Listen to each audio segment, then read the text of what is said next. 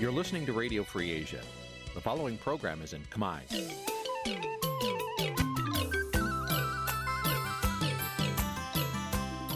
Nǐ chi càm bi tiệp xáy vệt chiu a zì sê នេះជាកម្មវិធីផ្សាយរបស់ Vithu Azisari ជាភាសាខ្មែរ វិទ្យុអាស៊ីសេរីសូមស្វាគមន៍លោកអ្នកនាងទាំងអស់ពីរដ្ឋធានី Washington នៃសហរដ្ឋអាមេរិក ពីរដ្ឋធានី Washington នាងខ្ញុំសុជីវីសូមជម្រាបសួរលោកអ្នកនាងអ្នកស្ដាប់ Vithu Azisari ទាំងអស់ជាទីមេត្រីយើងខ្ញុំសូមជូនកម្មវិធីផ្សាយសម្រាប់ព្រឹកថ្ងៃសុក្រ5រោចខែមិញឆ្នាំខាលចត្វាស័កពុរសករាជ2566ត្រូវនៅថ្ងៃទី10ខែកុម្ភៈគ្រិស្តសករាជ2022ជាដំបូងនេះសូមអញ្ជើញលោកអ្នកនាងស្ដាប់ព័ត៌មានប្រចាំថ្ងៃដែលមានមេត្តាដូចតទៅ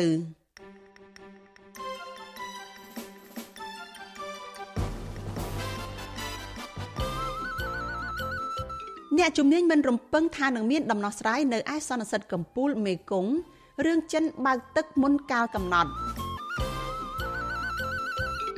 លោកហ៊ុនសែនទៅចិនស្របពេលដែលមានក្តីបារម្ភពីការកើនឡើងនៃឥទ្ធិពលចិន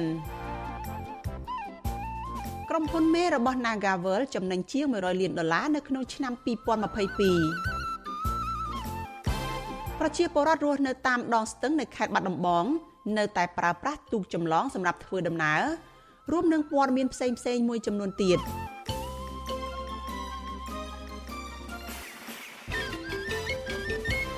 ចាជាបន្តទៅទៀតនេះនាងខ្ញុំសុជីវីសូមជូនព័ត៌មានទីនេះពិស្ដាលោកអ្នកនាងជាទីមេត្រី អ្នកជំនាញមិនរំពឹងថាអាចនឹងមានកិច្ចពិភាក្សា នៅឯសន្និសីទកំពូលមេគង្គនៅទីក្រុងវៀងច័ន្ទនៃប្រទេសឡាវនាដើមខែមេសាខាងមុខនេះជុំវិញដំណោះស្រាយ លើបញ្ហាដែលចិនបានបើកទ្វារទឹកទំនប់វារីអគ្គិសនី នៅមុនកាលកំណត់នៅរដូវប្រាំងឆ្នាំនេះអ្នកជំនាញរូបនោះលើកឡើងថាការនេះគឺដោយសារតែប្រទេសនៅខ្សែទឹកខាងលើ មិនចង់លើកឡើងពីផលប៉ះពាល់អវិជ្ជមាន ដែលបង្កឡើងដោយទំនប់វារីអគ្គិសនីរបស់ខ្លួន ការសិក្សានានារកឃើញថា ទង្វើរបស់ចិន អាចបង្កឲ្យមានភាពមិនប្រក្រតីនៃរំហូរទឹកទន្លេដែលប៉ះពាល់ធ្ងន់ធ្ងរ ទៅដល់ប្រព័ន្ធអេកូឡូស៊ីនិងការប្រកបជីវភាពប្រចាំថ្ងៃរបស់ពលរដ្ឋនៅតាមប្រទេសខ្សែទឹកខាងក្រោមទន្លេមេគង្គចាប់ពីរដ្ឋធានី Washington លោកមានរិទ្ធរាយការណ៍ព័ត៌មាននេះការប្រែប្រួលរំហូរទឹកទន្លេមេគង្គខុសពីប្រក្រតីដោយសារតែការបិទបើកទ្វារទឹកនៃទំនប់វារីអគ្គិសនីនៅតាមប្រទេសខ្សែទឹកខាងលើទន្លេមេគង្គកំពុងក្លាយជាប្រធានបទក្តៅមួយ ដែលក្រុមអ្នកជំនាញតំបន់មេគង្គលើកយកមកពិភាក្សាដើម្បីស្វែងយល់ពីបញ្ហា ផលប៉ះពាល់និងដំណោះស្រាយសាស្ត្រាចារ្យផ្នែកភូមិសាស្ត្រនៃសាកលវិទ្យាល័យ Wisconsin Madison University នៃសហរដ្ឋអាមេរិកបណ្ឌិត Ian Beard ថ្លែងក្នុងកិច្ចពិភាក្សាមួយតាមប្រព័ន្ធអនឡាញ Zoom ដែលរៀបចំដោយមជ្ឈមណ្ឌលស្រាវជ្រាវគោលនយោបាយ Stimson Center កាលពីថ្ងៃទី8ខែកុម្ភៈថា លោកមិនសង្ឃឹមថានឹងមានការពិភាក្សាជុំវិញរឿងរ៉ាវនៃដំណោះស្រាយចំពោះបញ្ហានេះនៅឯសន្និសីទកំពូលមេគង្គនាពេលខាងមុខទេ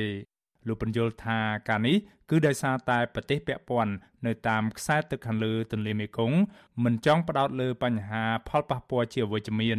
ដែលបង្កឡើងដោយទំនប់វារីអគ្គិសនីរបស់ពួកគេ អ្នកជំនាញភូមិសាស្ត្ររូបនេះពន្យល់ពីផលប៉ះពាល់កាន់តែធ្ងន់ធ្ងរប៉ះសិនបើប្រទេសខ្សែទឹកខាងលើ នៅតែបន្តសាងសង់ទំនប់វារីអគ្គិសនីបន្ថែម និងបិទបើកទឹកខុសពីប្រក្រតីទៀត But the point is is that if more and more dams are built if there's បញ្ហានៅត្រង់ថាប្រសិនបើទំនប់វារីអគ្គិសនីកាន់តែច្រើនឡើងច្រើនឡើងត្រូវបានគេសាងសង់នោះឬក៏ថាប្រសិនបើបរិមាណទឹកជាច្រើនទៀតត្រូវបានប្រទេសទាំងនោះស្តុកទុក នោះផលប៉ះពាល់នឹងកើតមានឡើងរឹតតែអាក្រក់ជាងនេះទៀតយើងឃើញកើតមានរួចទៅហើយនៅផលប៉ះពាល់ធ្ងន់ធ្ងរដែលតំបន់ខ្សែទឹកខាងលើប្រហែលជាបានបាត់បង់អស់ពពួកសត្វនិងរុក្ខជាតិមួយចំនួន រហូតដល់ទៅ50%ឬច្រើនជាងនេះយើងមិនបានបាត់បង់ច្រើនដូចគ្នានេះនៅតាមតំបន់ខ្សែទឹកខាងក្រោមនៅឡើយទេប៉ុន្តែយើងអាចបាត់បង់ចម្ពោះសត្វនិងរុក្ខជាតិជាច្រើនថែមទៀតប្រសិនបើវិរិយអគិសនី ត្រូវបានគេសាងសង់បន្ថែមទៀតនៅក្នុងពេលនេះ we could lose more you know if more dams are built that there's more កម្មវិធីតាមដានវិរិយអគិសនីលើដងទន្លេមេគង្គនៃមជ្ឈមណ្ឌល Stimson Center រកឃើញថាជាលើកទី1នៅក្នុងរយៈពេល4ឆ្នាំជាប់ជាប់គ្នាគឺក្នុងឆ្នាំ2022កន្លងទៅ ដែលទន្លេមេគង្គបានឆ្លងកាត់នៅរដូវវស្សានៅក្នុងសភាពដូចប្រក្រតីក៏ប៉ុន្តែសម្រាប់រដូវប្រាំងនៅក្នុងឆ្នាំ2023នេះ ប្រទេសចិនដែលស្ថិតនៅខ្សែទឹកខាងលើទន្លេមេគង្គកំពុងបើកទ្វារទឹកនៅតាមវារីអគ្គិសនីធំធំរបស់ខ្លួន ដើម្បីផលិតអគ្គិសនី ចាប់តាំងពីខែតុលាឆ្នាំ2022រហូតមកតាមទម្លាប់ប្រទេសចិនតែងតែបើកទ្វារទឹកដើម្បីផលិតអគ្គិសនីនៅរដូវប្រាំង នៅរៀងរាល់ខែមីនា មជ្ឈមណ្ឌល Stimson Center ក៏រកឃើញដែរថាផលប៉ះពាល់កាន់តែកើនឡើងដោយសារតែទំនប់វារីអគ្គិសនីនៅខ្សែទឹកខាងលើកំពុងរំខានដល់ចរន្តទឹកស្រកនិងរំហូរទឹកទន្លេដែលធ្វើឲ្យប៉ះពាល់ដល់ប្រព័ន្ធអេកូឡូស៊ីរបស់ព្រៃលិចទឹកដោយសារតែបរិមាណទឹកខ្ពស់នៅរដូវប្រាំងមជ្ឈមណ្ឌលនេះថាការសាងសង់ទំនប់វារីអគ្គិសនីបន្ថែមនិងការប្រែប្រួលរំហូរទឹកទន្លេបង្កឡើងដោយទំនប់វារីអគ្គិសនីទាំងនេះអាចនឹងធ្វើឲ្យព្រៃលិចទឹក និងប្រព័ន្ធអេកូឡូស៊ីដ៏កម្ររបស់វាត្រូវបាត់បង់ប្រសិនបើគ្មានការចាត់វិធានការបន្ថែមនោះទេនាយកប្រតិបត្តិនៃអង្គការបណ្ដាញការពារទន្លេ3លោកលេងបន្លាបប្រាវិសុយស៊ីស្រីថាដោយសារតែការបិទបើកទឹកខុសប្រក្រតីរបស់ប្រទេសនៅតាមខ្សែទឹកខាងលើនារយៈពេល2ឆ្នាំចុងក្រោយនេះការនេះបានបណ្ដាលឲ្យព្រៃលិចទឹកនៅកម្ពុជាត្រូវប្រឈមទៅនឹងការបាត់បង់អស់ប្រមាណពី20ទៅ30% ប្រកាសថាវាប៉ះពាល់លើទន្លេមេគង្គពីព្រោះនៅតាមទន្លេមេគង្គយើងសង្កេតឃើញនៅពីឆ្នាំកន្លងមកនេះគឺថានៅរដូវដែលគេទឹកសម្រកតែជ្រៅទៅតាមជើលិចទឹកគេហៅថាអា plastic forest ហ្នឹងគាត់ទៅការលូតលាស់ឬអឺក៏អត់បានលូតលាស់ទេតែធ្វើឲ្យរំសាសាយ ប្រព័ន្ធខាងផ្នែកខេត្តព្រឹងប្រែងហ្នឹងគឺដើមឈើទៅស្លាប់អស់ជាច្រើនរហូតដល់20 30%នេះយើងជាវិធានមើលតាមផ្ទាល់ផ្នែកណាបាទហ្នឹងអាហ្នឹងគឺជារឿងសំខាន់លោកលេងបន្លាបពន្យល់ថាដើមឈើលិចទឹកត្រូវចាប់ឫសនៅរដូវទឹកស្រកក៏ប៉ុន្តែបែរជាមានទឹកឡើងមកច្រើនដោយសារតែការបើកទ្វារទំនប់នៅរដូវប្រាំងដែលលើសពីប្រក្រតីប្រមាណជាង1ម៉ែត្រការនេះធ្វើឲ្យដើមឈើលិចទឹកទាំងនោះមិនអាចលូតលាស់បាននោះទេ ផ្ទុយទៅវិញ នៅរដូវដែលដើមឈើទាំងនេះត្រូវទឹកលិចលង់វិញ គឺនៅខែកញ្ញាឬខែតុលាទឹកទន្លេបែរជាធំថយទៅវិញ ដោយសារតែប្រទេសខ្សែទឹកខាងលើ ស្តុកទឹកទុកលោកថាការនេះបានបណ្ដាលឲ្យតំបន់រ៉ាមសាដែលមានព្រៃលិចទឹកសម្រាប់ទាក់ទាញភ្ញៀវទេសចរនៅក្នុងខេត្តស្ទឹងត្រែងនិងខេត្តក្រចេះត្រូវទទួលបរាជ័យមកបរាជ័យដោយសារតែដើមជឿនអនោះជាបានគៀនស្ពិតងាប់អស់ ចង់20 30%តែធ្វើឲ្យបាត់ចំណូលក្នុងសហគមន៍ហើយក៏តាត់ចោលទៅនៅក្នុងមលំ2នៅឯស្ទឹងត្រែងនេះទៀតក៏បាត់បង់អស់តាំងពីខែ2ឆ្នាំទៅមកម្ល៉េះអញ្ចឹងវាជាហេតុមួយដែលជួយការលំហូរទឹកគឺប៉ះពាល់ដល់ជីវៈចម្រុះរុក្ខជាតិឬក៏អ្វីអ្វីដែលជាធនធាននៅក្នុងតំបន់ទន្លេមេគង្គក្រោមនៃប្រទេសយើងនឹងឯងតំបន់រ៉ាមសាស្ថិតនៅក្នុងខេត្តស្ទឹងត្រែង មានផ្ទៃដីជាង10000ហិកតា តំបន់នេះគ្របដណ្ដប់ដោយព្រៃលិចទឹក និងអន្លង់ជ្រៅជ្រៅដែលជាជង្រុកត្រីជាច្រើន រួមទាំងសត្វស្លាបចម្រុះទៀតផងបណ្ឌិតអៀនប៊ែអឺតផ្ដល់ដំណោះស្រាយថារឿងរ៉ាវចំនួន2ដែលគេអាចធ្វើបាននៅពេលនេះដើម្បីកាត់បន្ថយផលប៉ះពាល់ដល់ព្រៃលិចទឹកទាំងនោះគឺតាមរយៈការកាត់បន្ថយបរិមាណទឹក ដែលត្រូវបញ្ចេញដោយទំនប់វារីអគ្គិសនី នៅក្នុងរដូវក្តៅឬមួយទៀតគឺថាប្រទេសពាក់ព័ន្ធ មិនត្រូវសាងសង់ទំនប់វារីអគ្គិសនីធំធំបន្ថែមទៀតដែលអាចស្តុកទឹកទុកនិងមិនត្រូវស្តុកទឹកទុកបន្ថែមទៅលើអ្វីដែលកំពុងកើតមាននាពេលនេះទេគិតត្រឹមយប់ថ្ងៃទី9ខែកុម្ភៈវិសុវស៊ីស្រីមិនទាន់អាចតាក់ទងណែនាំពាក្យក្រសួងធនធានទឹកលោកច័ន្ទយុធា ដើម្បីសុំការពន្យល់បន្ថែមពីផលប៉ះពាល់ទាំងនេះបាននៅឡើយទេក្រុមមេដឹកនាំមកពីបណ្ដាប្រទេសក្នុងតំបន់មេគង្គ គ្រូអំពីវនីវឲ្យមានដំណោះស្រាយថ្មីថ្មីប្រកបដោយការច្នៃប្រឌិត ដើម្បីឆ្លើយតបទៅនឹងបញ្ហាប្រឈមនានា ដែលតំបន់មេគង្គកំពុងជួបប្រទះពួកគេនឹងបើកកិច្ចប្រជុំកម្ពុជារបស់គណៈកម្មការទន្លេមេគង្គនៅដើមខែមេសាខាងមុខនេះនៅឯប្រទេសឡាវដើម្បីកំណត់ជោគវាសនារបស់អាងទន្លេមេគង្គខ្ញុំបាទមេរិត Visual C ស្រីពីរដ្ឋធានី Washington លោកនាងកំពុងតែតាមដានការផ្សាយរបស់ Visual Asia សេរី ចាព័ត៌មានជាបន្តទៅទៀតនេះតកតងទៅនឹងប្រាក់ចំណេញរបស់ក្រុមហ៊ុន Nagavel ចាក្រុមហ៊ុន Nagacop ដែលជាម្ចាស់និងជាប្រតិបត្តិការនៃក្រុមហ៊ុន Casino Nagavel នៅកម្ពុជារាយការណ៍ថា ក្នុងឆ្នាំ2022ប្រាក់ចំណូលសរុបនៃវិស័យលបែងបានកើនឡើង99.5%បដែលមានចំនួនដល់ទៅជិត446លានដុល្លារក្នុងនោះ ប្រាក់ចំណេញសុទ្ធដែលក្រុមហ៊ុនទទួលបាន គឺមានជាង100លានដុល្លារនេះបើយោងតាមបទបង្ហាញរបស់ក្រុមហ៊ុនដែលត្រូវបានចុះផ្សាយកាលពីថ្ងៃទី9ខែកុម្ភៈដោយគេហទំព័រ AIG ដែលជាសារព័ត៌មានឯករាជ្យខាងឧស្សាហកម្មកំសាន្តនិងលបែងស៊ីសង ដែលមានមូលដ្ឋាននៅទីក្រុងម៉ាកាវនៃប្រទេសចិនប្រពន្ធដដែលឲ្យដឹងទៀតថាក្រុមហ៊ុនបន្តទទួលបានអត្ថប្រយោជន៍ពីទីផ្សារផ្ដាច់មុខក្នុងស្រុកនៅកម្ពុជា ហើយការងើបឡើងវិញជាលំដាប់នៃមុខជំនួយនេះត្រូវបានគ្រប់គ្រងដោយការស្ដារឡើងវិញបន្តិចម្ដងបន្តិចម្ដងនៃវិស័យទេសចររបស់កម្ពុជា ការចូលទៅទស្សនាអចលនវត្ថុរបស់ក្រុមហ៊ុនព្រមទាំងការបន្ធូរបន្ថយការរឹតបន្តឹងលើការធ្វើដំណើរនៅក្នុងតំបន់ទោះបីជាក្រុមហ៊ុន Nagavel ទទួលបានប្រាក់ចំណេញដ៏ច្រើនសន្ធឹកសន្ធាប់បែបនេះក្តីក៏ក្រុមហ៊ុននេះបានជាប់ឈ្មោះថាជាក្រុមហ៊ុនរំលោភសិទ្ធិការងារធ្ងន់ធ្ងរ ក្រុមហ៊ុនបានបញ្ឈប់បុគ្គលិកជាង1000នាក់ពីការងារប្តឹងមេដឹកនាំនិងសហជីពដាក់ពន្ធនាគារនិងមិនព្រមដោះស្រាយបញ្ចប់វិវាទការងារជាមួយក្រុមបុគ្គលិកឡើយខណៈពួកគាត់បានប្រមូលផ្ដុំគ្នាធ្វើកោតកម្មនៅខាងមុខអគារក្រុមហ៊ុនអស់រយៈពេលជាង1ឆ្នាំមកហើយ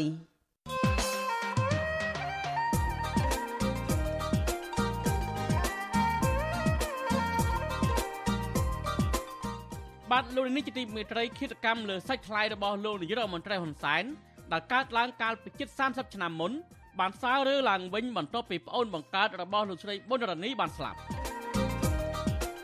លោកសំរងស៊ីចោទថាលោកហ៊ុនសែនជាអ្នករៀបចំសម្រាប់ប្អូនថ្លៃរបស់ខ្លួនគឺលោកកៅសមុទ្រដែលត្រូវជាប្តីដើមរបស់អ្នកស្រីប៊ុនសាមហឹងឬប៊ុនសុថា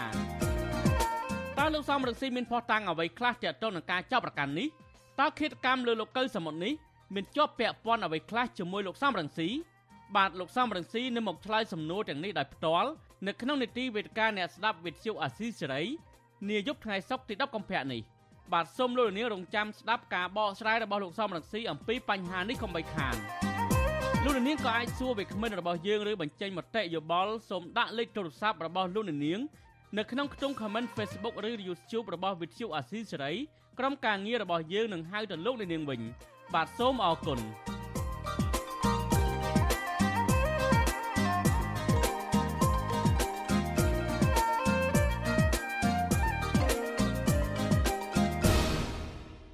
ោកអ្នកនាងជាទីមេត្រីលោកអ្នកកំពុងតែតាមដានការផ្សាយរបស់ Vithu Azizi សេរីចាប់ផ្សាយចេញពីរដ្ឋធានី Washington សហរដ្ឋអាមេរិក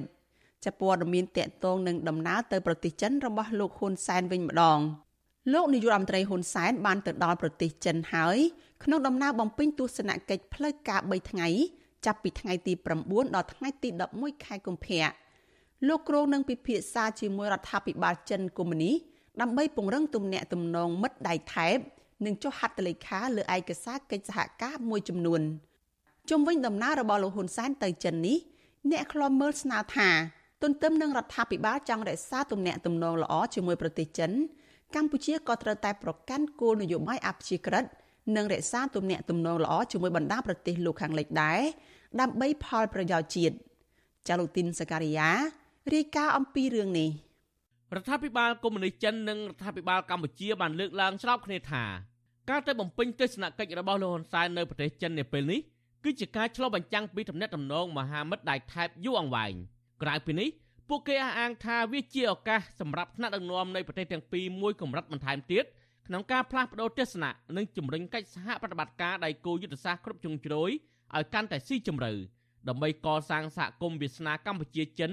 រួមគ្នានាពេលអនាគតលោកហ៊ុនសែនបានធ្វើដំណើរទៅដល់ទីក្រុងប៉េកាំងនៅរុស្ស៊ីថ្ងៃទី9កុម្ភៈជាមួយគណៈប្រតិភូនិងមន្ត្រីកម្ពុជារបស់លោកជាច្រើនរូបទៀតក្នុងដំណើរទស្សនកិច្ចនេះលោកហ៊ុនសែននឹងជួបពិភាក្សាជាមួយមេដឹកនាំចិនលោកស៊ីជីងពីងនិងសភាតំណាងរាស្ត្ររបស់ចិនគឺលោកលីជៀនស៊ូ មេដឹកនាំរដ្ឋាភិបាលឯកបៈរូបនេះក៏នឹងជួបទ្វេភាគីជាមួយលោកនាយករដ្ឋមន្ត្រីចិនលីខឺឈៀងដើម្បីពិភាក្សាលើការបន្តរដ្ឋចំណងមិត្តភាពទ្វេភាគីនិងចុះហត្ថលេខាលើកិច្ចព្រមព្រៀងមួយចំនួនកម្ពុជានិងចិនមិនទាន់បង្ហាញព័ត៌មានលម្អិតជំវិញនឹងឯកសារដោយប្រទេសទាំងពីរនឹងចុះហត្ថលេខានេះនៅឡើយទេជុំវិញនឹងដំណើរទស្សនកិច្ចរបស់លោកហ៊ុនសែនទៅប្រទេសចិននេះអ្នកជំនាញកិច្ចការអន្តរជាតិចង់ឃើញរដ្ឋាភិបាលបង្កើនទំនាក់ទំនងល្អជាមួយប្រទេសលោកខាងលិច ស្របពេលកម្ពុជាបានបង្កើនទំនាក់ទំនងល្អជាមួយកុម្មុយនីសចិនកាន់តែស៊ីជម្រៅអ្នកជំនាញវិជាសាស្ត្រនយោបាយនិងកិច្ចការអន្តរជាតិលោកអែមសវណ្ណរាបញ្យល់ថាទោះបីជាកម្ពុជាមានទំនាក់ទំនងល្អជាមួយកុម្មុយនីសចិន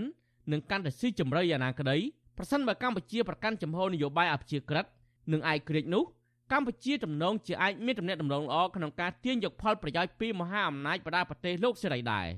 ប៉ុន្តែលោកថាបើសិនជាកម្ពុជានៅតែបន្តបង្ហាញចំហពឹងពាក់ចិន និងអនុវត្តនយោបាយការបរទេសបែបលំអៀងឬអព្យាក្រឹតដល់កម្រិតណានោះគឺអាស្រ័យលើអ្នកនយោបាយ។ ផលប្រយោជន៍ដែលអនុវត្តពេញលេញនេះនៅមិនទាន់ពេញលេញទេដូចជាកសិផលខ្មែរមួយចំនួនมันអាចនាំទៅទីផ្សារចិនផ្ទាល់ណាដូចយើងត្រូវការប្រើប្រាស់ទីផ្សារប្រទេសផ្សេងយិតខាងដូចថាថ្ងៃបៃលិនជាដើមយើងជួបឧបសគ្គខ្លុំមកដែរខ្ញុំការត្រេកអរក៏ប៉ុន្តែមិនមិនមានការបារម្ភពាក់ព័ន្ធទៅនឹងភាពលោកអឿនរបស់កម្ពុជានឹងចិត្តនោះទេឲ្យតែកម្ពុជាអាចរក្សាបាននៅជំហរនយោបាយកម្ពុជាលក្ខណៈអភិក្រិត អ្នកប្រឹក្សាយោបល់ផ្នែកអភិវឌ្ឍផ្នែកកំណត់និងការស្រាវជ្រាវបណ្ឌិតសេកសុជាតិក៏ចង់ឃើញកម្ពុជាងាកចេញពីការពឹងផ្អែកលើចិន និងបញ្ជៀសពីឥទ្ធិពលចិនដែរ។ កិច្ចការជាតិមិនមែនជាកិច្ចការរបស់អ្នកនយោបាយឬកិច្ចការរបស់ប្រជាពលរដ្ឋទេគឺជាកិច្ចការរួមរបស់អ្នកនយោបាយនិងប្រជាពលរដ្ឋរួមគ្នាដូច្នេះហើយអ្នកនយោបាយគួរតែប្រើប្រាស់នៅសក្តានុពលនិងឧត្តមភាពរបស់ខ្លួនដើម្បីសម្រេចគោលដៅធានាបាននៅភាពយុត្តិធម៌ត្រឹមត្រូវហើយនឹងមានតម្លាភាពនៅក្នុងសង្គមមិនមែនធ្វើនៅក្នុងផ្នែកណាមួយដែលសង្គមនិងប្រជាពលរដ្ឋមើលឃើញថាមានភាពលំអៀងទេបាទលន់សាននិងមេដឹកនាំចិនបានបង្កើនទំនាក់ទំនងខ្លាំងចាប់ពីឆ្នាំ2006មកប្រទេសទាំងពីរបានដំឡើងកម្រិតទំនាក់ទំនងទ្វេភាគីទៅជាភាពដៃគូកិច្ចសហប្រតិបត្តិការគ្រប់ជ្រុងជ្រោយហើយនៅឆ្នាំ2010បានដំឡើងទៅជាភាពដៃគូយុទ្ធសាស្ត្រគ្រប់ជ្រុងជ្រោយក្រៅពីវិស័យពាណិជ្ជកម្មសេដ្ឋកិច្ចនយោបាយកសិកម្មសន្តិសុខការពារជាតិនិងការទូតភាគីទាំងពីរក៏បានជំរុញកិច្ចសហប្រតិបត្តិការលើវិស័យវិទ្យាសាស្ត្រអប់រំវប្បធម៌ទេសចរសុខាភិបាល និងឈានរហូតដល់កិច្ចសហប្រតិបត្តិការថ្នាក់មូលដ្ឋានទៀតផងចិននិងកម្ពុជាបានព្រមព្រៀងគ្នាតម្រូវឲ្យក្រសួងអប់រំកម្ពុជាដាក់បញ្ចូលកម្មវិធីរៀនភាសាចិននៅតាមគ្រឹះស្ថានមធ្យមសិក្សារដ្ឋចាប់ពីថ្នាក់ទី7រហូតដល់ថ្នាក់ទី12ថែមទៀតវិទ្យុអាស៊ីសេរីមិនអាចតាក់ទងអ្នកនាំពាក្យក្រសួងការបរទេសនិងប្រធានអង្គភិបអ្នកនាំពាក្យរដ្ឋាភិបាលលោកផៃសិផានដើម្បីសួរអំពីដំណើរទស្សនកិច្ចរបស់លោកហ៊ុនសែនទៅកាន់ប្រទេសចិននេះបានទេនៅថ្ងៃទី9កុម្ភៈ ក៏ប៉ុន្តែអ្នកនាំពាក្យគណៈបកប្រជាជនកម្ពុជាលោកសុកអ៊ីសានបានអះអាងថាដំណើរទស្សនកិច្ចរបស់លោកហ៊ុនសែនដែលអាចមានការស្នើសុំជំនួយតាមរយៈកម្ចីឥណទានពីប្រទេសចិននោះគឺជាការរួមចំណែកក្នុងការអភិវឌ្ឍកម្ពុជាឲ្យកាន់តែរីកចម្រើនលោកបន្ថែមថាលោកហ៊ុនសែនទៅបំពេញទស្សនកិច្ចនៅប្រទេសចិនគឺតបតាមការអញ្ជើញរបស់រដ្ឋាភិបាលចិនហើយមូលហេតុដែលកម្ពុជាពុំសូវទៅធ្វើដំណើរទស្សនកិច្ចនៅបណ្ដាប្រទេសលោកសេរីដោយសារតែមេដឹកនាំប្រទេសលោកខាងលិច ពុំសូវបានអញ្ជើញលោកហ៊ុនសែន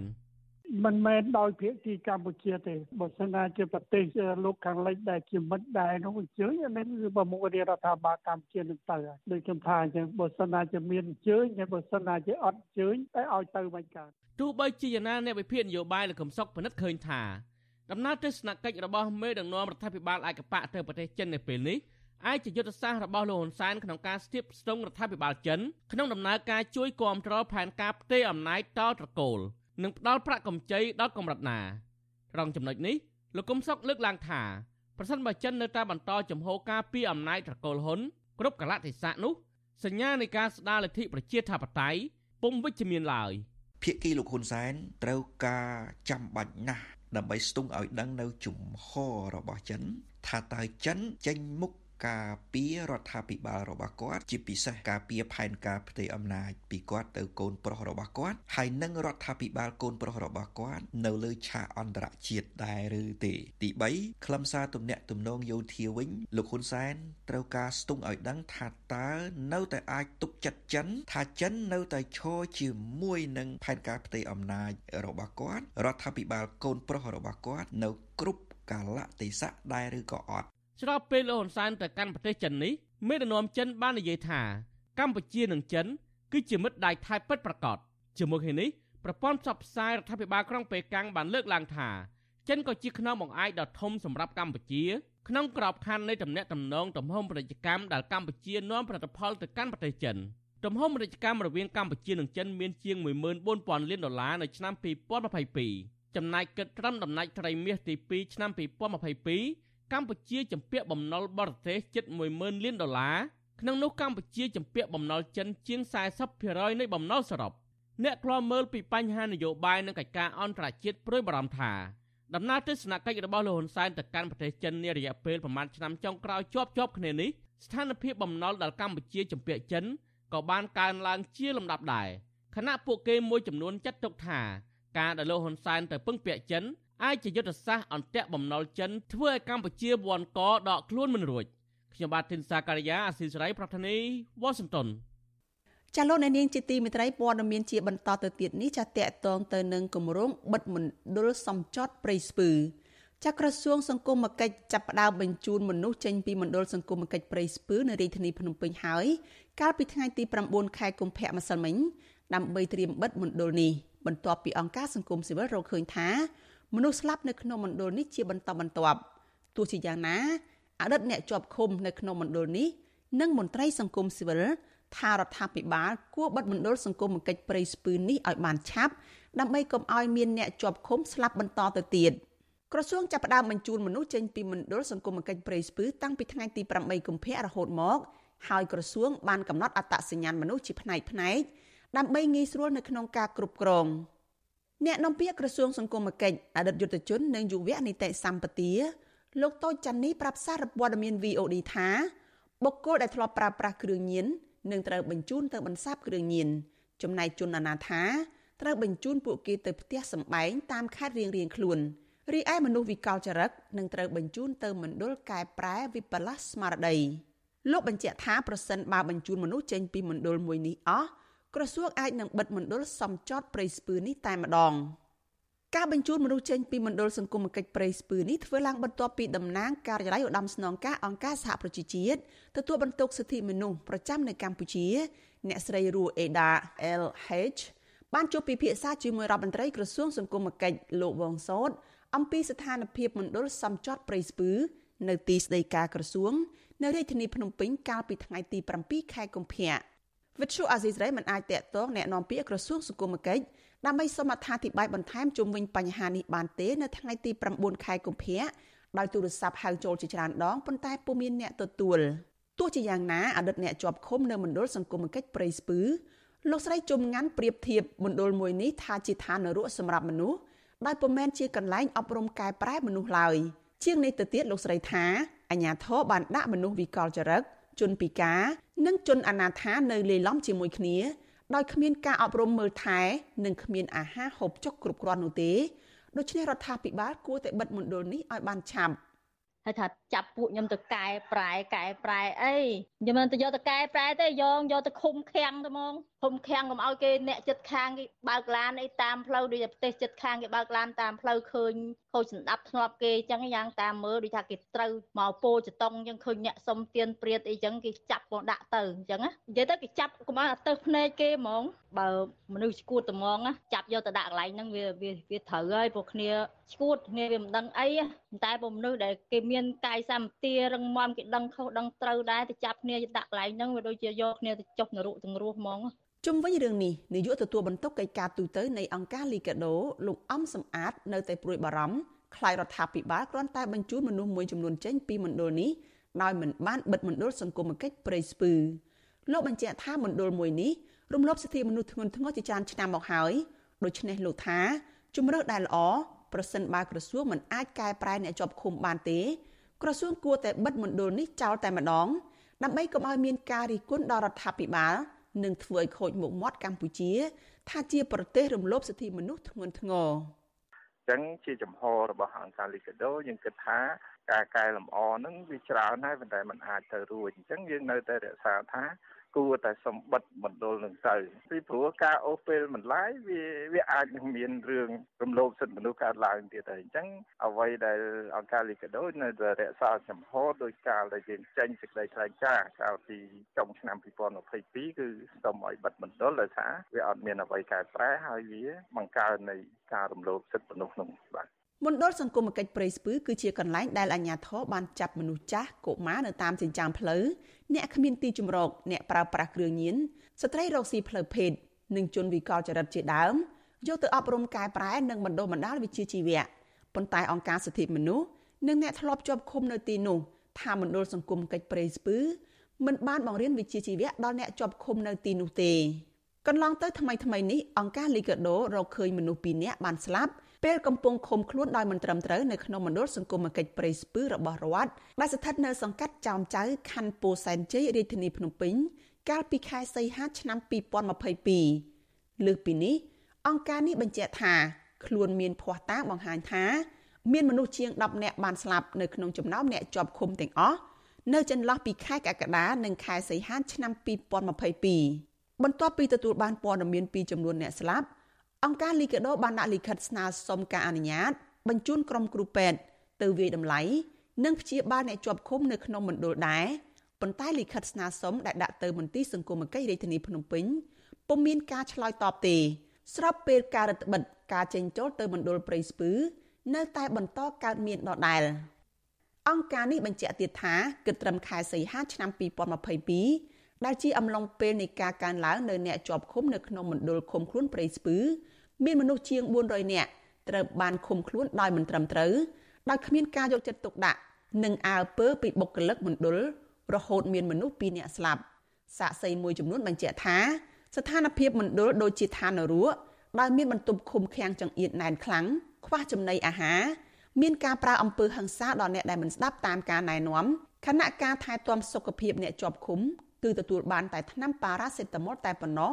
ទោះបីជាមានជំងឺធ្ងន់ធ្ងរយ៉ាងណាក៏ដោយមន្ត្រីសង្គមស៊ីវិលជឿជាក់ថាប្រសិនបើរដ្ឋាភិបាលមិនបិទមណ្ឌលនេះឲ្យបានឆាប់ទេនោះនឹងធ្វើឲ្យមនុស្សស្លាប់ដោយសារការរំលោភសិទ្ធិមនុស្សបន្តទៀតជាមិនខានឡើយ។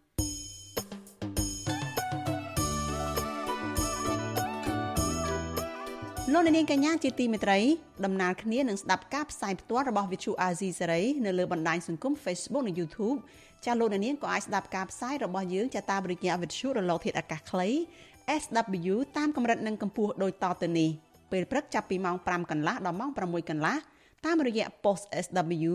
9.39 MHz ស្មើនឹងកម្ពស់ 32m និង post SW 11.85 MHz ស្មើនឹងកម្ពស់ 25m ពេលយប់ចាប់ពីម៉ោង7កន្លះដល់ម៉ោង8កន្លះតាមរយៈ post SW 9.39 MHz ស្មើនឹងកម្ពស់ 32m post SW 11.88 MHz ស្មើនឹងកម្ពស់ 25m និង post SW 15.15 MHz ស្មើនឹងកម្ពស់ 20m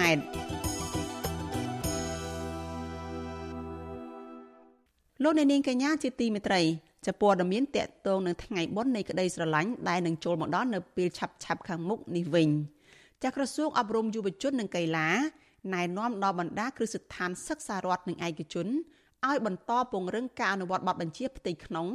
ដើម្បីទប់ស្កាត់ការប្រព្រឹត្តមិនត្រឹមត្រូវរបស់សិស្សសានុសិស្សនៅថ្ងៃទី14ខែកុម្ភៈដែលជាថ្ងៃនៃក្តីស្រឡាញ់ក្រសួងអប់រំយុវជននិងកីឡាបញ្ជាក់ថាកន្លងទៅ មានសិស្សានុសិស្សមួយចំនួនតូច យល់ច្រឡំថាថ្ងៃនៃក្តីស្រឡាញ់ជាថ្ងៃបុណ្យសង្សារឬជាថ្ងៃណាត់ជួបគ្នារវាងគូស្នេហ៍ក្រសួងបន្តថាការយល់ច្រឡំអត្តន័យនៃថ្ងៃ14កុម្ភៈដែលមិនមែនជាប្រពៃណីខ្មែរយើងនេះធ្វើឲ្យយុវជនមួយចំនួនតូច បានភ្លើតភ្លើនភ្លេចការសិក្សា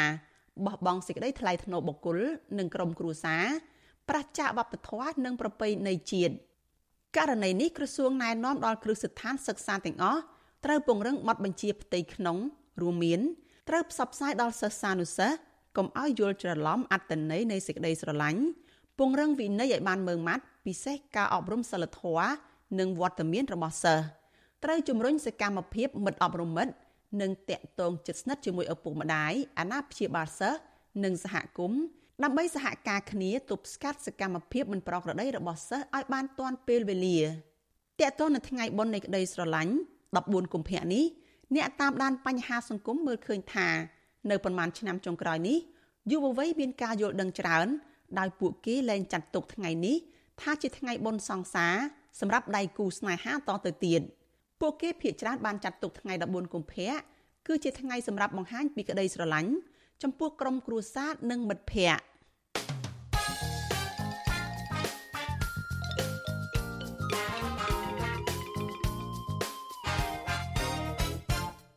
ចាលោកអ្នកនាងជាទីមេត្រីបន្តតាមដានការផ្សាយរបស់ Vithu Azizi សេរីយើងបន្តទៅទៀតចាព័ត៌មានជាបន្តទៅទៀតនេះតាក់ទងនឹងការវាយរបងថ្មដែលហុំព័ទ្ធឆ្នេរនៅខេត្តប្រស័យហនុឯណោះវិញចាយុវជនចលនាមេដាធម្មជាតិស្នើសុំឲ្យរដ្ឋាភិបាលដកហូតដីចំណីឆ្នេរអូឈើទាលដែលត្រូវបានបុគ្គលឯកជនហុំព័ទ្ធរបងយកមកដាក់ជាទ្រព្យសម្បត្តិសាធារណៈរបស់រដ្ឋវិញ ការស្នើសុំនេះធ្វើឡើងបន្ទាប់ពីក្រុមហ៊ុនឯកជន ដែលបានធ្វើរបងហុំព័ទ្ធដីឆ្នេរអូឈើទាលនោះបានវាយរបងចេញកាលពីយប់ថ្ងៃទី8ខែកុម្ភៈ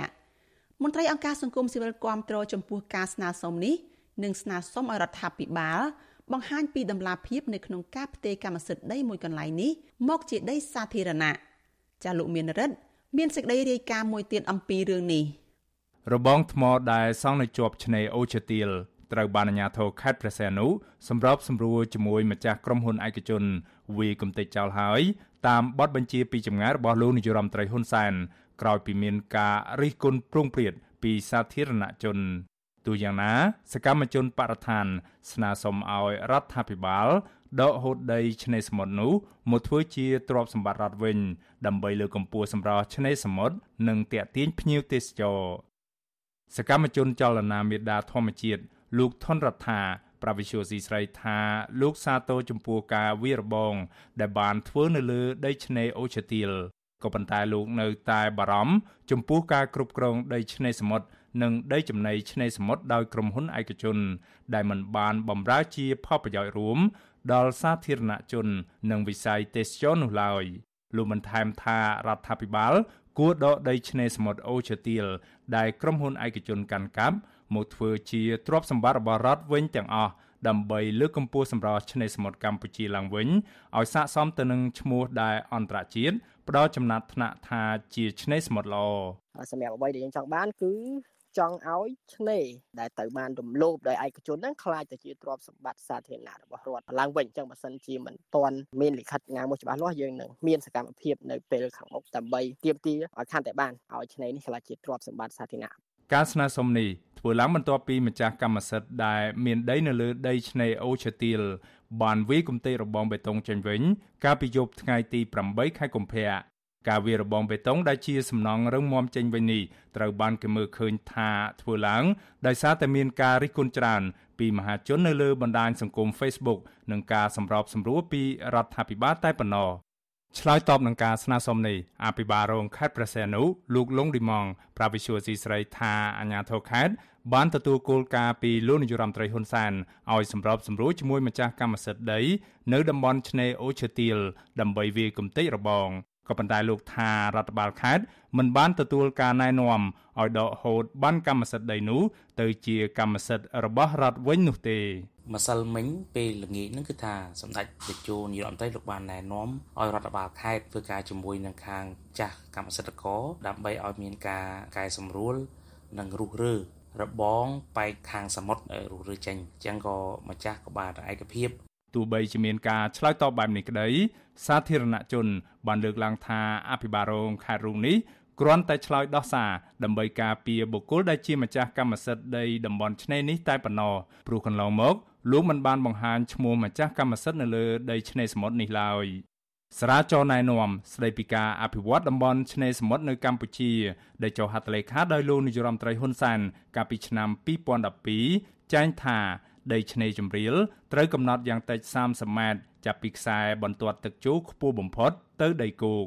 ដីឆ្នេរសមុទ្រនេះត្រូវបានចាត់ទុកជាដីសាធារណៈរបស់រដ្ឋនិងប្រើប្រាស់សម្រាប់ជាប្រយោជន៍សាធារណៈតែប៉ុណ្ណោះ ដោយឡែកដីចំណីឆ្នេរសមុទ្រដែលមានប្រវែង50ម៉ែត្របន្ថែមពីលើដីឆ្នេរសមុទ្រ30ម៉ែត្រក៏ត្រូវចាត់ទុកជាដីសាធារណៈរបស់រដ្ឋដែរក៏ប៉ុន្តែស្រាវជ្រាវណែនាំនេះបានលើកលែងចំពោះដីចំណីឆ្នេរសមុទ្រដែលមានម្ចាស់កម្មសិទ្ធិកាន់កាប់រួចហើយ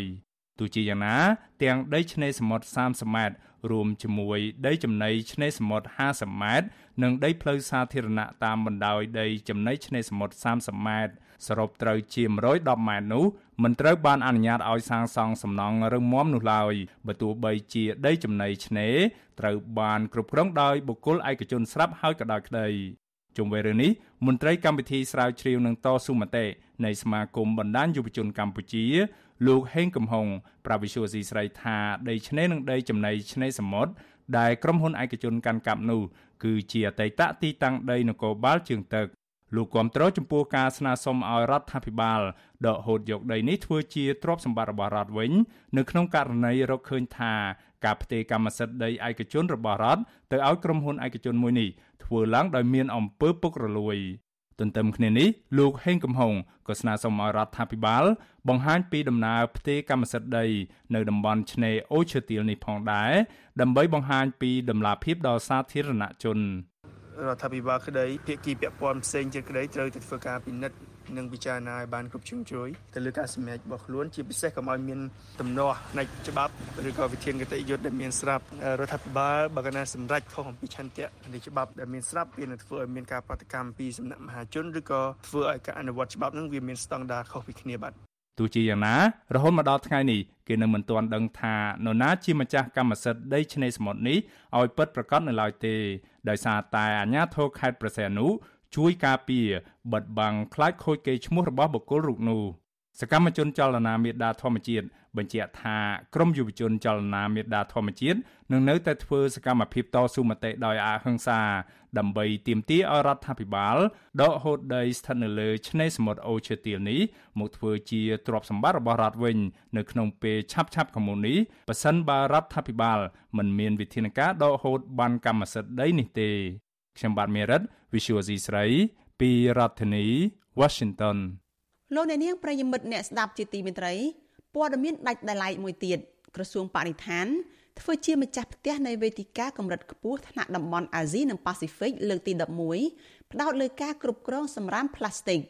សកម្មជនបរិស្ថានលើកឡើងថា កម្ពុជាមិនទាន់បានដោះស្រាយនិងគ្រប់គ្រងសំណល់ផ្លាស្ទិកនេះបានល្អនោះទេ ពួកគេស្នើរដ្ឋាភិបាល បង្កើនការផ្សព្វផ្សាយអំពីផលប៉ះពាល់និងវិធីសាស្ត្រដោះស្រាយបញ្ហាសម្រាមផ្លាស្ទិកនេះចាលោកសេកបណ្ឌិតរាយការណ៍ព័ត៌មាននេះវេទិកាថ្នាក់តំបន់អាស៊ីនិងប៉ាស៊ីហ្វិក លើកទី11ធ្វើនៅខេត្តសៀមរាបចាប់ពីថ្ងៃទី8ដល់ថ្ងៃទី10កុម្ភៈវេទិកានេះមានបណ្ដាប្រទេសនៅក្នុងតំបន់អាស៊ីប៉ាស៊ីហ្វិកចំនួន36ប្រទេសនិងរដ្ឋបាលថ្នាក់ក្រោមជាតិទាំង25រាជធានីនិងខេត្តប្រមាណជាង500អ្នកចូលរួមវេទិកានេះធ្វើឡើងជាពីរផ្នែកសំខាន់សំខាន់ផ្នែកទី1ក្រោមប្រធានបទ ការសម្រេចបានគោលដៅអភិវឌ្ឍប្រកបដោយចីរភាព និងអព្យាក្រឹតកាបូនតាមរយៈភាពប្រតិក្រឡាគ្នារវាងចំណេះដឹងបែបវិទ្យាសាស្ត្រគោលនយោបាយធុរកិច្ចឆ្ពោះទៅរកប្រភពធនធានសេដ្ឋកិច្ចវិលជុំ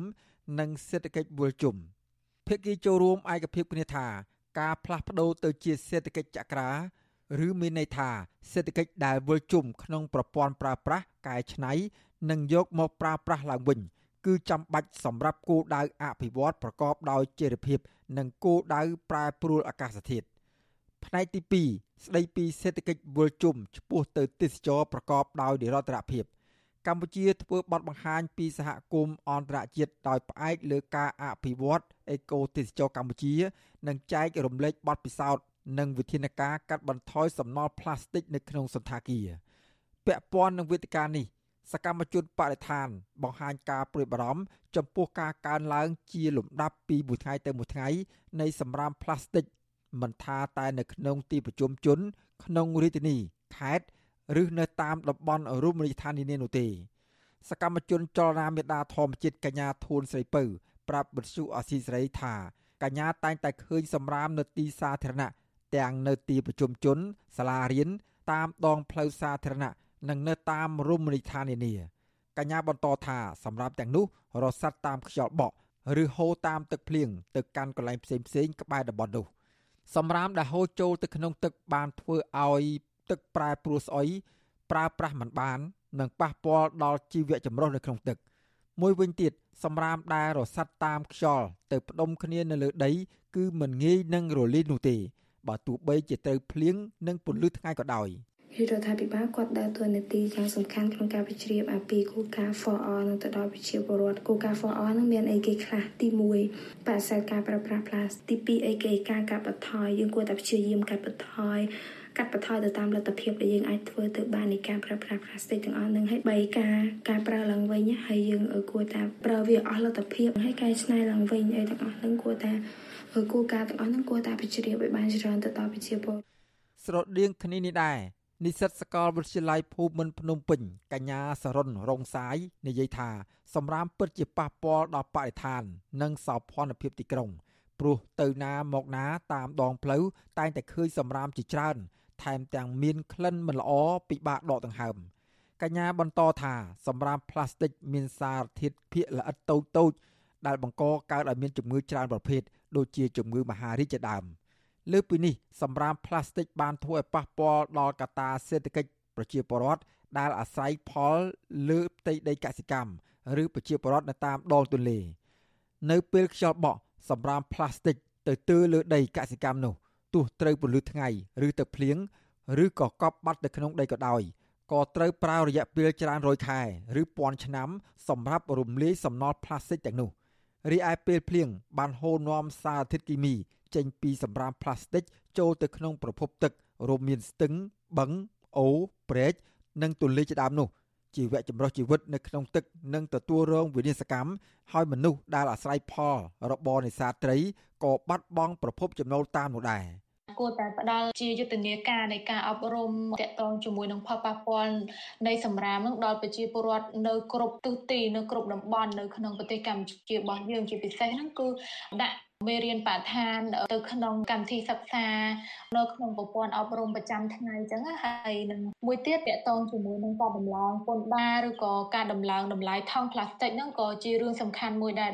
រាជរដ្ឋាភិបាលគួរតែគិតគូរឡើងវិញម្ដងទៀត វិទ្យុអាស៊ីសេរីនៅពុំទាន់អាចតាក់ទងแนะនាំពាក្យក្រសួងបរិស្ថានលោកនិតភត្រាដើម្បីសួរបញ្ជាក់អំពីរឿងនេះបានទេ កាលពីថ្ងៃទី9កុម្ភៈដោយទូរស័ព្ទហៅចូលតែពុំមានអ្នកទទួល។ក្រសួងបរិស្ថានរកឃើញថា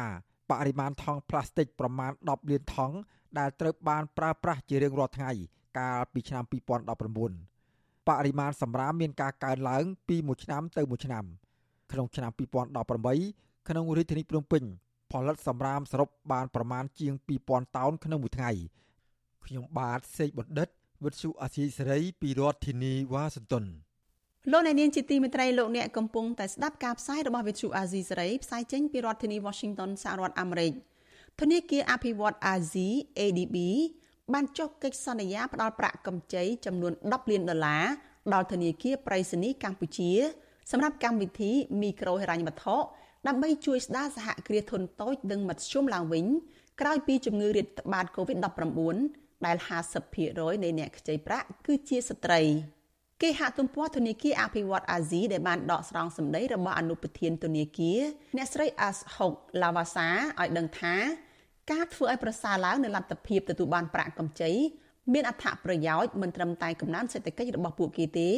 គឺថែមទាំងជួយបង្កើនការងារបន្ថែម និងជាការស្ដារសេដ្ឋកិច្ចឡើងវិញឲ្យបានទូលំទូលាយផងដែរបន្ថែមពីនេះគម្រោងផ្ដល់ប្រាក់កម្ចីនេះនឹងជួយគាំទ្រដល់អាជីវកម្មរបស់ពួកគេ ដើម្បីអាចចូលរួមប្រកួតប្រជែងនៅក្នុងបណ្ដាផលិតកម្មនៅក្នុងស្រុកនិងអន្តរជាតិធនាគារប្រៃសណីកម្ពុជានឹងផ្ដល់អតិភិបដល់ការអភិវឌ្ឍហិរញ្ញប្បទានសម្រាប់សហគ្រាសធុនតូចនិងមធ្យមទាំងនោះដែលត្រូវការដើមទុននិងការវិនិយោគរបស់ពួកគេ ធនាគារប្រៃសណីកម្ពុជា គឺជាធនាគារដែលមានបណ្ដាសាខាលំដាប់ទី5នៅក្នុងប្រទេសកម្ពុជា ដែលបានផ្ដល់ប្រាក់កម្ចីសម្រាប់សហគ្រាសធុនតូចនិងមធ្យមទៅដល់អតិថិជនប្រមាណជិត30ម៉ឺននាក់នៅក្នុងទីក្រុងនិងនៅទីជនបទចាប់តាំងពីឆ្នាំ1992មកធនាគារអភិវឌ្ឍអាស៊ីបានផ្ដល់ប្រាក់កម្ចីដល់រដ្ឋាភិបាលកម្ពុជា និងវិស័យឯកជនជិត5000លានដុល្លារប្រាក់កម្ចីរបស់រដ្ឋាភិបាល គឺប្រើប្រាស់សម្រាប់វិស័យកសិកម្មប្រព័ន្ធធារាសាស្ត្រហិរញ្ញវត្ថុការដឹកជញ្ជូនធម្មពលនិងការផ្គត់ផ្គង់ទឹកស្អាតនិងអនាម័យ។ជំងឺរាតត្បាត COVID-19 បណ្ដាលឲ្យពលរដ្ឋកម្ពុជាធ្លាក់ចូលនៅក្នុងភាពក្រីក្រភាពគ្មានការងារធ្វើនិងវិសមភាពសង្គមកាន់តែខ្លាំងឡើងថែមទៀតរបាយការណ៍របស់ធនាគារពិភពលោកចេញផ្សាយកាលពីថ្ងៃទី18ខែវិច្ឆិកាឆ្នាំ2020បង្ហាញថាក្នុងរយៈពេល10ឆ្នាំចាប់តាំងពីឆ្នាំ2009ដល់ឆ្នាំ2019 អត្រាក្រីក្ររបស់កម្ពុជាបានធ្លាក់ចុះពីកម្រិត34%មកនៅត្រឹមជិត18%ដោយជួយឲ្យពលរដ្ឋជិត2លាននាក់រួចផុតពីភាពក្រីក្រប៉ុន្តែចាប់តាំងពីឆ្នាំ2020មកប្រជាពលរដ្ឋប្រមាណជាងកន្លះលាននាក់បានធ្លាក់ចូលនៅក្រោមកម្រិតប្រាក់ចំណូលនៃភាពក្រីក្រវិញគឺប្រមាណជាង10000រៀលនៅក្នុងមួយថ្ងៃ។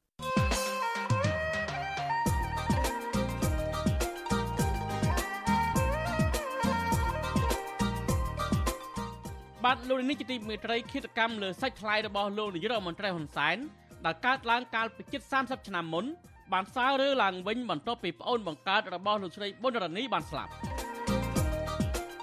លោកសំរងស៊ីចោទថាលោកហ៊ុនសែនជាអ្នករៀបចំសម្រាប់ប្អូនថ្លៃរបស់ខ្លួនគឺលោកកៅសមុទ្រដែលត្រូវជាប្តីដើមរបស់អ្នកស្រីប៊ុនសាមហឹងឬប៊ុនសុថាតើលោកសំរងស៊ីមានផុសតាំងអ្វីខ្លះទាក់ទងនឹងការចាប់ប្រកាន់នេះតើឃាតកម្មលើលោកកៅសមុទ្រនេះ មានជាប់ពាក់ព័ន្ធអ្វីខ្លះជាមួយលោកសំរងស៊ីបាទលោកសំរងស៊ីនឹងមកឆ្លើយសំណួរទាំងនេះដោយផ្ទាល់នៅក្នុងនីតិវេទិកាអ្នកស្ដាប់វិទ្យុអាស៊ីសេរីនាយប់ថ្ងៃសុក្រទី10កុម្ភៈនេះ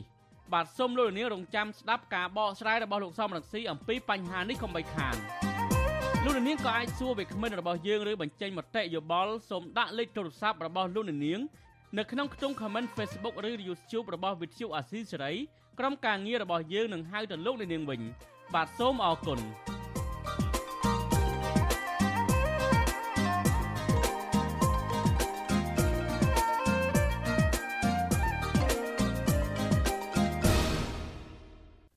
លោកអ្នកនាងជាទីមេត្រីព័ត៌មានជាបន្តទៅទៀតនេះចាតតតងទៅនឹងកម្ពុជាគ្រោបបញ្ជូនមន្ត្រីពន្ធនាគារទៅបំពេញបេសកកម្មក្រោមឆ័ត្រអង្គការសហប្រជាជាតិ ចាកម្ពុជាគ្រោបបញ្ជូនមន្ត្រីពន្ធនាគារនៃក្រសួងមហាផ្ទៃ40រូបទៅបំពេញបេសកកម្មរក្សាសន្តិភាពក្រោមឆ័ត្រអង្គការសហប្រជាជាតិបន្ថែមលើកងទ័ពដោះមីនមួយចំនួនទៀតលោកសខេងរដ្ឋមន្ត្រីក្រសួងមហាផ្ទៃបានប្រកាសថាប្រមុខរដ្ឋាភិបាលលោកហ៊ុនសែនបានឯកភាពលើគម្រោងនេះហើយបន្ទាប់ពីក្រសួងការបរទេសបានសុំគោលការណ៍នេះពីរដ្ឋាភិបាល កាលពីថ្ងៃទី28ខែធ្នូឆ្នាំ2022 លោកសខេងលើកឡើងបែបនេះនៅក្នុងកិច្ចប្រជុំស្ដីពីការចាត់បញ្ជូនមន្ត្រីពន្ធនាគារចូលរួមបេសកកម្មប្រតិបត្តិការថែរក្សាសន្តិភាពរបស់អង្គការសហប្រជាជាតិនៅទីស្តីការក្រសួងមហាផ្ទៃកាលពីថ្ងៃទី8ខែកុម្ភៈដោយមានការចូលរួមពីរដ្ឋលេខាធិការអនុរដ្ឋលេខាធិការក្រសួងមហាផ្ទៃនិងអគ្គនាយកមជ្ឈមណ្ឌលជាតិគ្រប់គ្រងកងកម្លាំងរក្សាសន្តិភាពលោកសុខេបន្តថាក្រសួងមហាផ្ទៃមិនទាន់មានបទពិសោធន៍និងឆ្លងកាត់ការងារនេះនៅឡើយទេ ដូច្នេះត្រូវការបទពិសោធន៍សម្រាប់ការងារនេះព្រោះវាគឺជាការងារថ្មីលោកក៏បានបញ្ជាក់បន្ថែមថាមន្ត្រីពន្ធនាគារដែលត្រូវជ្រើសរើសត្រូវមានលក្ខណៈសម្បត្តិឲ្យបានគ្រប់គ្រាន់ព្រមទាំងសមត្ថភាពនិងភាសាបរទេសដែលពាក់ព័ន្ធជាមួយគ្នានេះដែរអគ្គនាយកមជ្ឈមណ្ឌលជាតិគ្រប់គ្រងកងកម្លាំងរក្សាសន្តិភាពបោះសម្អាតមីននិងកាកសំណល់សង្គ្រាមលោកសែមសវណ្ណីបានធ្វើបទបង្ហាញដល់អ្នកចូលរួមកិច្ចប្រជុំនោះថា ចាប់តាំងពីឆ្នាំ2006ដល់ពេលបច្ចុប្បន្ននេះកងកម្លាំងកម្ពុជាសរុបជិត9000នាក់ក្នុងនោះមាននារីចំនួន681នាក់ដែលបានបញ្ជូនទៅកាន់បេសកកម្មចំនួន11នៅក្នុងប្រទេសចំនួន9ប្រទេសទាំង9នោះរួមមានប្រទេសស៊ូដង់ស៊ូដង់ខាងត្បូងអាហ្វ្រិកកណ្ដាលលីបង់ Cyprus យេម៉ែនឆាត ស៊ីរី និងម៉ាលី លោកបានឲ្យដឹងទៀតថាបច្ចុប្បន្ននេះកងកម្លាំងកម្ពុជាចំនួន788នាក់ក្នុងនោះមាននារី130នាក់កំពុងបំពេញបេសកកម្មនៅស៊ូដង់ខាងត្បូងលីបង់ម៉ាលី និងអាហ្វ្រិកកណ្ដាលលោកអ្នកនាងកញ្ញាជាទីមេត្រីចានៅឯខេត្តបាត់ដំបងឯណោះសិស្សានុសិស្សគ្រូបង្រៀននិងប្រជាពលរដ្ឋរស់នៅស្រុកឯកភ្នំ នៅក្នុងខេត្តនេះនៅតែបន្តប្រើប្រាស់ទូកចម្លងឆ្លងស្ទឹងសង្កែ ទៅសាលារៀននិងដឹកកសិផលយកទៅលក់នៅត្រើយម្ខាងដោយសារតែពុំមានស្ពានឆ្លងមន្ត្រីអង្គការសង្គមស៊ីវិលស្នើឲ្យអាជ្ញាធរមូលដ្ឋាន និងរដ្ឋបាលខេត្តពន្លឿនគម្រោងស្ថាបនាស្ពាន ដើម្បីសម្រួលដល់ការរស់នៅរបស់ប្រជាពលរដ្ឋចាលោកថាថៃរាយការណ៍ពឹស្ដារអំពីរឿងនេះស្ថិតនៅចម្ងាយប្រមាណ15គីឡូម៉ែត្រពីក្រុងបាត់ដំបង ប្រជាពលរដ្ឋរស់នៅតាមបណ្ដោយស្ទឹងសង្កែក្នុងភូមិព្រែកលួងភូមិរហាលសួងភូមិរាជដូនកែវភូមិបាក់អំរែកនិងភូមិព្រែកត្រប់នៃស្រុកឯកភ្នំត្រូវធ្វើដំណើរឆ្លងកាត់ស្ទឹងដោយទូកដរមានសភាពចាស់ទ្រុឌទ្រោមដើម្បីទៅសាលារៀននិងប្រកបការងារដឹកជញ្ជូនកសិផលទៅត្រៃម្ខាងជារៀងរាល់ថ្ងៃភាគច្រើននៃអ្នកឆ្លងទូកគឺជាសិស្សសាលាដែលមានអាយុចាប់ពី12ទៅ18ឆ្នាំគ្រូបង្រៀននៅសាលាបឋមសិក្សាកែវមនីពិសីក្នុងភូមិរិចដូនកែវ លោកប្រាក់សុភីប្រាប់វិទ្យុអាស៊ីសេរីថាគ្រូបង្រៀននិងសិស្សសាលាត្រូវឆ្លងទូកនៅកំពង់ចំឡងរិចដូនកែវដើម្បីទៅរៀននៅអនុវិទ្យាល័យបាក់អំរែកព្រោះនៅភូមិរិចដូនកែវមិនទាន់មានសាលារៀនថ្នាក់អនុវិទ្យាល័យនៅឡើយគ្រូបង្រៀនរូបនេះបន្តថាកន្លងមកធ្លាប់មានសប្បុរសជនផ្ដល់អាវពោងការពារសុវត្ថិភាពដល់សិស្សគ្រប់គ្នាក៏ប៉ុន្តែលោកនៅតែបារម្ភពីសុវត្ថិភាពសិស្សដែលឆ្លងទូកយ៉ាងតិច2ដងក្នុងមួយថ្ងៃជាពិសេសនៅរដូវទឹកឡើងដែលមានកម្លាំងទឹកហូរខ្លាំង លោកបញ្ជាក់ថាសិស្សសាលាភាគច្រើនមិនបានយល់ដឹងពីវិធីបង្ការគ្រោះអាសន្នឬជួយខ្លួនឯងនៅពេលទូកលិចនោះឡើយពេលឆ្លងទូកម្ចាស់ទូកគេប្រាប់ឲ្យកុំឲ្យបលែងគ្នាហើយជាជនម៉ែឪគេក៏គេប្រាប់ដែរពេលឡើងទូកឡើងអីខ្ញុំឃើញទូកនឹងចាស់តាំងពីយូរណាស់ហើយថ្ងៃមុននោះមានអាដាក់អគុយបូមទឹកចេញពីទូកក៏មានដែរទៅច្រឡងបដានឹងបូមទឹកអត់ចេញពីទូកមកវាជ្រាបប៉ុន្តែអានោះសម្រាប់តែខែប្រាំងហើយខែភាសាគេមិនហ៊ានទេគេជួសជុលរួចហើយ តាមបណ្ដោយដងស្ទឹងសង្កែស្ពានផ្សារប្រហុកក្នុងភូមិព្រែកតាច្រែងគឺជាស្ពានចុងក្រោយគេបង្អស់នៅខ្សែទឹកខាងក្រោមដែលមានចម្ងាយប្រមាណ7គីឡូម៉ែត្រពីក្រុងបាត់ដំបងក៏ប៉ុន្តែទីតាំងស្ពានមួយនេះមិនស្ថិតនៅជិតទីតាំងសាលារៀនឡើយព្រោះសិស្សភាគច្រើនជាកូនកសិករ ដែលរស់នៅភូមិចំនួន6ក្នុងឃុំព្រែកនរិនស្ថិតនៅត្រៃខាងលិចមិនអាចធ្វើដំណើរឆ្លងកាត់ស្ពានផ្សារប្រហុកដើម្បីទៅរៀនបានទេព្រោះការធ្វើដំណើរត្រូវវាងមានចម្ងាយផ្លូវពី5ទៅ8គីឡូម៉ែត្រដែលត្រូវចំណាយពេលវេលាយូរនិងទៅរៀនមិនទាន់ម៉ោងក្រុមសិស្សសាលានៃអនុវិទ្យាល័យបាក់អមរែកដែលកំពុងឈរចាំទូកចម្លងនៅត្រៃម្ខាងរៀបរាប់ថា វាបានคล้ายជាទម្លាប់ទៅហើយដែលពួកគាត់តែងតែឆ្លងទុកដទៅសាលារៀនជារៀងរាល់ថ្ងៃមិនថារដូវទឹកឡើងឬមានកណូតលបឿនលឿនបើកឆ្លងកាត់ឡើយតែយ៉ាងណាក្រុមសាសាលាទាំងនោះថានៅពេលខែវស្សាទឹកស្ទឹងឡើងខ្ពស់ពួកគាត់ក៏បារម្ភពីរឿងលិចទូកដែរបើទោះបីជាមានអាវពោងសម្រាប់ការពារខ្លួនក៏ដោយក្នុងចំណោមសិស្សទាំងនោះមានអ្នកខ្លះអះអាងថាគាត់ចេះហែលទឹកនិងខ្លះមិនចេះហែលទឹកនោះទេ ចាសអូនជាមួយកាហ្វេដល់លេងក្តាប់ចាប៉ាងបងវាអាចឲ្យបងច្រើនបែគាត់ឲ្យចោះដែរទូកចម្លងដែលសិស្សសាលានិងប្រជាពលរដ្ឋប្រើប្រាស់ជាមធ្យោបាយសម្រាប់ឆ្លងទៅត្រៃម្ខាងនេះជាប្រភេទទូកដក្បាលទាលសងខាងរៀបស្មើបញ្ជាដោយម៉ាស៊ីនសាំងនិងចែវច្រវាសម្រាប់ទប់ចង្កូត មានទទឹងជិត2ម៉ែត្របណ្ដោយជាង4ម៉ែត្រធ្វើពីឈើមានសភាពចាស់ទ្រុឌទ្រោមនិងទូកចម្លងមួយចំនួនមានទឹកជ្រាបចូលខាងក្នុងក៏ប៉ុន្តែម្ចាស់ទូកបញ្ជាក់ថាពួកគាត់តែងតែត្រួតពិនិត្យទូកជាប្រចាំនិងជួសជុលជារៀងរាល់ឆ្នាំម្ចាស់ទូកដននៅកំពង់ចម្លងរាជដូនកែវសូមមិនបញ្ចេញឈ្មោះឲ្យដឹងថាជារៀងរាល់ថ្ងៃមានសិស្សសាលាជាង200នាក់ឆ្លងទៅរៀននៅអនុវិទ្យាល័យបាក់អមរែកត្រៃខាងកើតហើយការចម្លងម្ដងម្ដងលោកដាក់មនុស្សពី15ទៅ30នាក់ លោកបន្តថាក្នុងមួយថ្ងៃលោកទទួលបានប្រាក់ចំណូលប្រមាណពី3ទៅ40000រៀលក្នុងមួយថ្ងៃដោយសិស្សម្នាក់លោកយកឈ្នួល200រៀលសម្រាប់ឆ្លងទៅវិញទៅមកនិង500រៀលចំពោះប្រជាពលរដ្ឋទូទៅនិងម៉ូតូមួយគ្រឿងលោកបញ្ជាក់ថាចំពោះរដូវទឹកឡើងលោកមិនទទួលចម្លងម៉ូតូឡើយគឺចម្លងតែសិស្សសាលាប៉ុណ្ណោះដើម្បីបង្ការគ្រោះថ្នាក់ពីការលិចទូកចូលក្បែរហើយបងបើមិនជាក្រាមក្រាមតិចទេព្រោះឲ្យវាមានពីរធឺមានអាធំជាងនេះក៏មានថ្ងៃតិចមិនម្ដងហើយសំហើយ គ្រូមានតែគ្រូបាត់អង់គ្លេសឆ្លង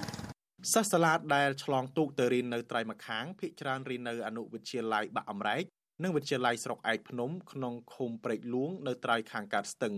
រាប់ចាប់ពីប៉ែកខាងក្រោមស្ពានផ្សារប្រហុកមានកំពង់ចម្លងចំនួន4ដែលប្រជាពលរដ្ឋនិងសិស្សសាលាឆ្លងជាប្រចាំ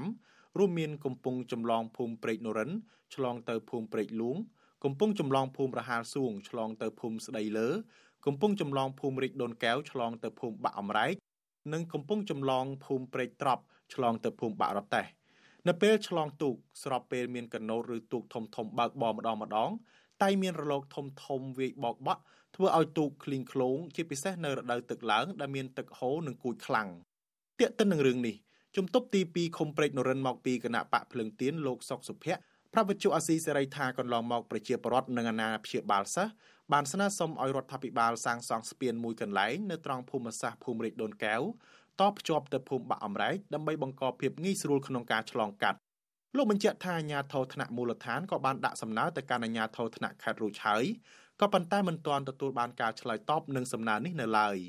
បញ្ហាចរងទូកនឹងវិញក៏ក្នុងនាមអាជ្ញាធរក៏មានការព្រួយបារម្ភដែរក៏ប៉ុន្តែខាងស្រុកវាមានផែនការហៅមកណែនាំអំពីនីតិវិធីហើយបញ្ហាហ្នឹងណាជុំវិញរឿងនេះអ្នកសម្របសម្រួលផ្នែកខ្លំមើលការរំលោភសិទ្ធិមនុស្សប្រចាំខេត្តបាត់ដំបងលោកអិនគង់ចិត្តមើលឃើញថាការអភិវឌ្ឍនៅក្នុងខេត្តបាត់ដំបងមានពីរផ្នែកខុសៗគ្នា លោករៀបរាប់ថាផ្នែកស្រុកលើមានស្រុកបាណន់ជាដើមភ ieck ច្រើនមានស្ពានបេតុងឆ្លងកាត់ស្ទឹងសង្កែចំណែកស្រុកខាងក្រោមរាប់ចាប់តាំងពីភូមិព្រែកតាច្រែងឃុំព្រែកនរិនរហូតដល់ទន្លេសាបមានស្ពានតែមួយប៉ុណ្ណោះគឺស្ពានផ្សារប្រហុកលោកបន្តថាកង្វះខាតហេដ្ឋារចនាសម្ព័ន្ធស្ពានក្នុងតំបន់នោះបង្កការលំបាកដល់សិស្សសាលា និងប្រជាពលរដ្ឋដែលភ័យច្រើនសុទ្ធសឹងជាកសិករនិងជាអ្នកនេសាទត្រូវដឹកជញ្ជូនផលិតផលមកលក់នៅទីផ្សារ លោកជំរុញឲ្យអាជ្ញាធរមូលដ្ឋាននិងមន្ទីរសាធារណការខេត្តបាត់ដំបងគូចោះត្រួតពិនិត្យស្ពានកំពង់ចម្លងនិងទូកដរួមទាំងអប់រំទៅម្ចាស់ទូកដើម្បីធានាពីសុវត្ថិភាពក្នុងពេលចម្លង ហើយករណីនេះអាជ្ញាធរភូមិឃុំនៅនៅតំបន់ផ្នែកខាងក្រោមហ្នឹងគួរតែធ្វើសំណើទៅរាជរដ្ឋាភិបាលដើម្បីឲ្យមានការសាងសង់ស្ពានថ្មីមួយនៅចំណុចបាក់អន្រែកហ្នឹងក៏ជាការល្អប្រសើរដែរដើម្បីសម្រួលចរាចរណ៍ដល់ប្រជាពលរដ្ឋដែលរស់នៅខាងក្រោមហ្នឹងឲ្យមានការប្រស្រ័យតាក់ទងធ្វើដំណើរដឹកផលិតផលឆ្លងកាត់ពីត្រើយម្ខាងទៅត្រើយម្ខាងទៀត កាលពីអំឡុងឆ្នាំ2012ធ្លាប់មានករណីលិចទូកនៅកំពង់ចម្លងព្រែកលួងក្នុងឃុំព្រែកលួងស្រុកឯកភ្នំដែលបណ្ដាលមកពីរលកទូកកណូតធំធំធ្វើឲ្យសិស្សប្រុសស្រីជាង30នាក់ធ្លាក់ទឹកបើទោះបីជាពេលនោះគ្មានអ្នកស្លាប់និងរងរបួសក៏ដោយក៏សិស្សសាលាមួយចំនួនរងការប៉ះទង្គិចផ្លូវចិត្តនិងបាក់ស្បាតមិនសូវហ៊ានឆ្លងទូកដទៀតឡើយតាកតងនឹងគ្រោះថ្នាក់លិចទូកនេះគេសង្កេតឃើញថាតែងតែកើតឡើងជាញឹកញាប់តាមបណ្ដាខេត្តមួយចំនួនដូចជាខេត្តកណ្ដាលជាដើម ហើយតែងបង្កឲ្យមានមនុស្សស្លាប់ទាំងក្រុមទាំងក្រុមតែម្ដងពេលហេតុការណ៍កើតឡើងអាជ្ញាធរហាក់យឺតយ៉ាវនិងមិនសូវមានជំនាញក្នុងការជួយសង្គ្រោះឡើយលើសពីនេះនៅពេលមានហេតុការណ៍កើតឡើងទាំងថ្នាក់ដឹកនាំនិងអាជ្ញាធរដែនដីតែងតែលើកហេតុផលផ្សេងផ្សេងដើម្បីយករួចខ្លួនហើយគ្រូសាជនរងគ្រោះតែងទទួលសំណងបន្តិចបន្តួចពីម្ចាស់ទូកដើម្បីបញ្ចប់រឿងជាឧទាហរណ៍ កាលពីថ្ងៃទី13ខែតុលាឆ្នាំ2022កន្លងទៅថ្មីថ្មីនេះសោកនាដកម្មនៅលើផ្ទៃទន្លេក្នុងហេតុការណ៍លិចទូកចម្លងនៅឃុំកំពង់ភ្នំស្រុកលើកដែកខេត្តកណ្ដាលដែលបានគូចយកជីវិតកូនសិស្សចំនួន11នាក់ក្នុងចំណោមជនរងគ្រោះ19នាក់បានក្លាយជាវិបដិសារីដ៏ជូរចត់និងដាស់ស្មារតីឪពុកម្ដាយដែលមានកូនឆ្លងទូកទៅរៀនឲ្យមានការបារម្ភពីសុវត្ថិភាពកូនរបស់ពួកគាត់សង្គមស៊ីវិលប្រជាពលរដ្ឋគ្រូបង្រៀននិងអាណាព្យាបាលសិស្ស ទទូចឲ្យរដ្ឋាភិបាលកសាងស្ពានឆ្លងកាត់ស្ទឹងសង្កែពីឃុំព្រែកនរិនទៅកាន់ឃុំព្រែកលួងដើម្បីសម្រួលការធ្វើដំណើរនិងបង្ការកុំឲ្យមានគ្រោះថ្នាក់ដល់ប្រជាពលរដ្ឋជាពិសេសសិស្សសាលាដែលឆ្លងទៅរៀននៅរដូវទឹកឡើងខ្ញុំថាថៃពីទីក្រុងមែលប៊ន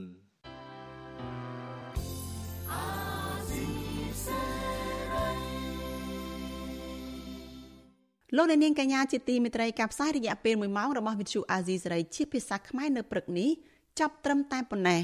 នាងខ្ញុំសុជីវីព្រមទាំងក្រុមការងារទាំងអស់នៃវិទ្យុអាស៊ីសេរីចាសសូមអរគុណដល់លោកអ្នកនាង ដែលតែងតែតាមដានការផ្សាយរបស់យើងជារៀងរាល់ថ្ងៃហើយតែងតែចែករំលែកការផ្សាយរបស់យើងទៅកាន់មិត្តភ័ក្តិរបស់លោកអ្នកនាងចាសនាងខ្ញុំសូមអរគុណនិងសូមជម្រាបលា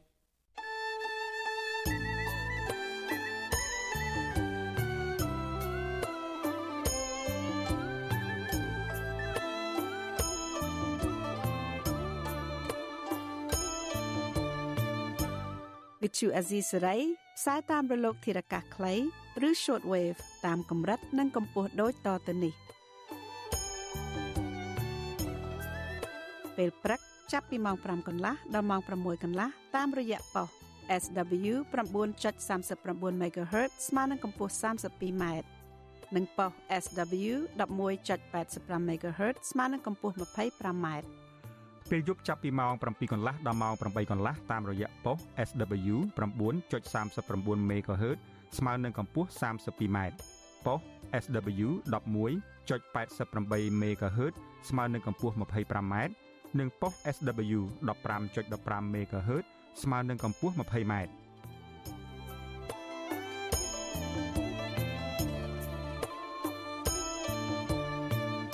លោកអ្នកនាងក៏អាចស្ដាប់ការផ្សាយផ្ទាល់តាមប្រព័ន្ធអ៊ីនធឺណិតដោយចូលទៅកាន់គេហទំព័រ www.rfa.org/ ខ្មែរក្រៅពីនេះលោកអ្នកនាងក៏អាចអាននិងទស្សនាព័ត៌មានវិទ្យុអេស៊ីសេរីលើទូរស័ព្ទដៃរបស់លោកអ្នកផ្ទាល់សូមលោកអ្នកនាង ចូលទៅកាន់កម្មវិធី Facebook រួចស្វែងរកពាក្យ RFA ខ្មែរនិង YouTube ដោយស្វែងរកពាក្យ RFA ខ្មែរ សូមលោកអ្នកនាងចុច like និងចុច subscribe ដើម្បីទទួលបានព័ត៌មានថ្មីៗតាន់ហេតុការនិងទស្សនាវីដេអូផ្សេងៗទៀតបានគ្រប់ពេលវេលា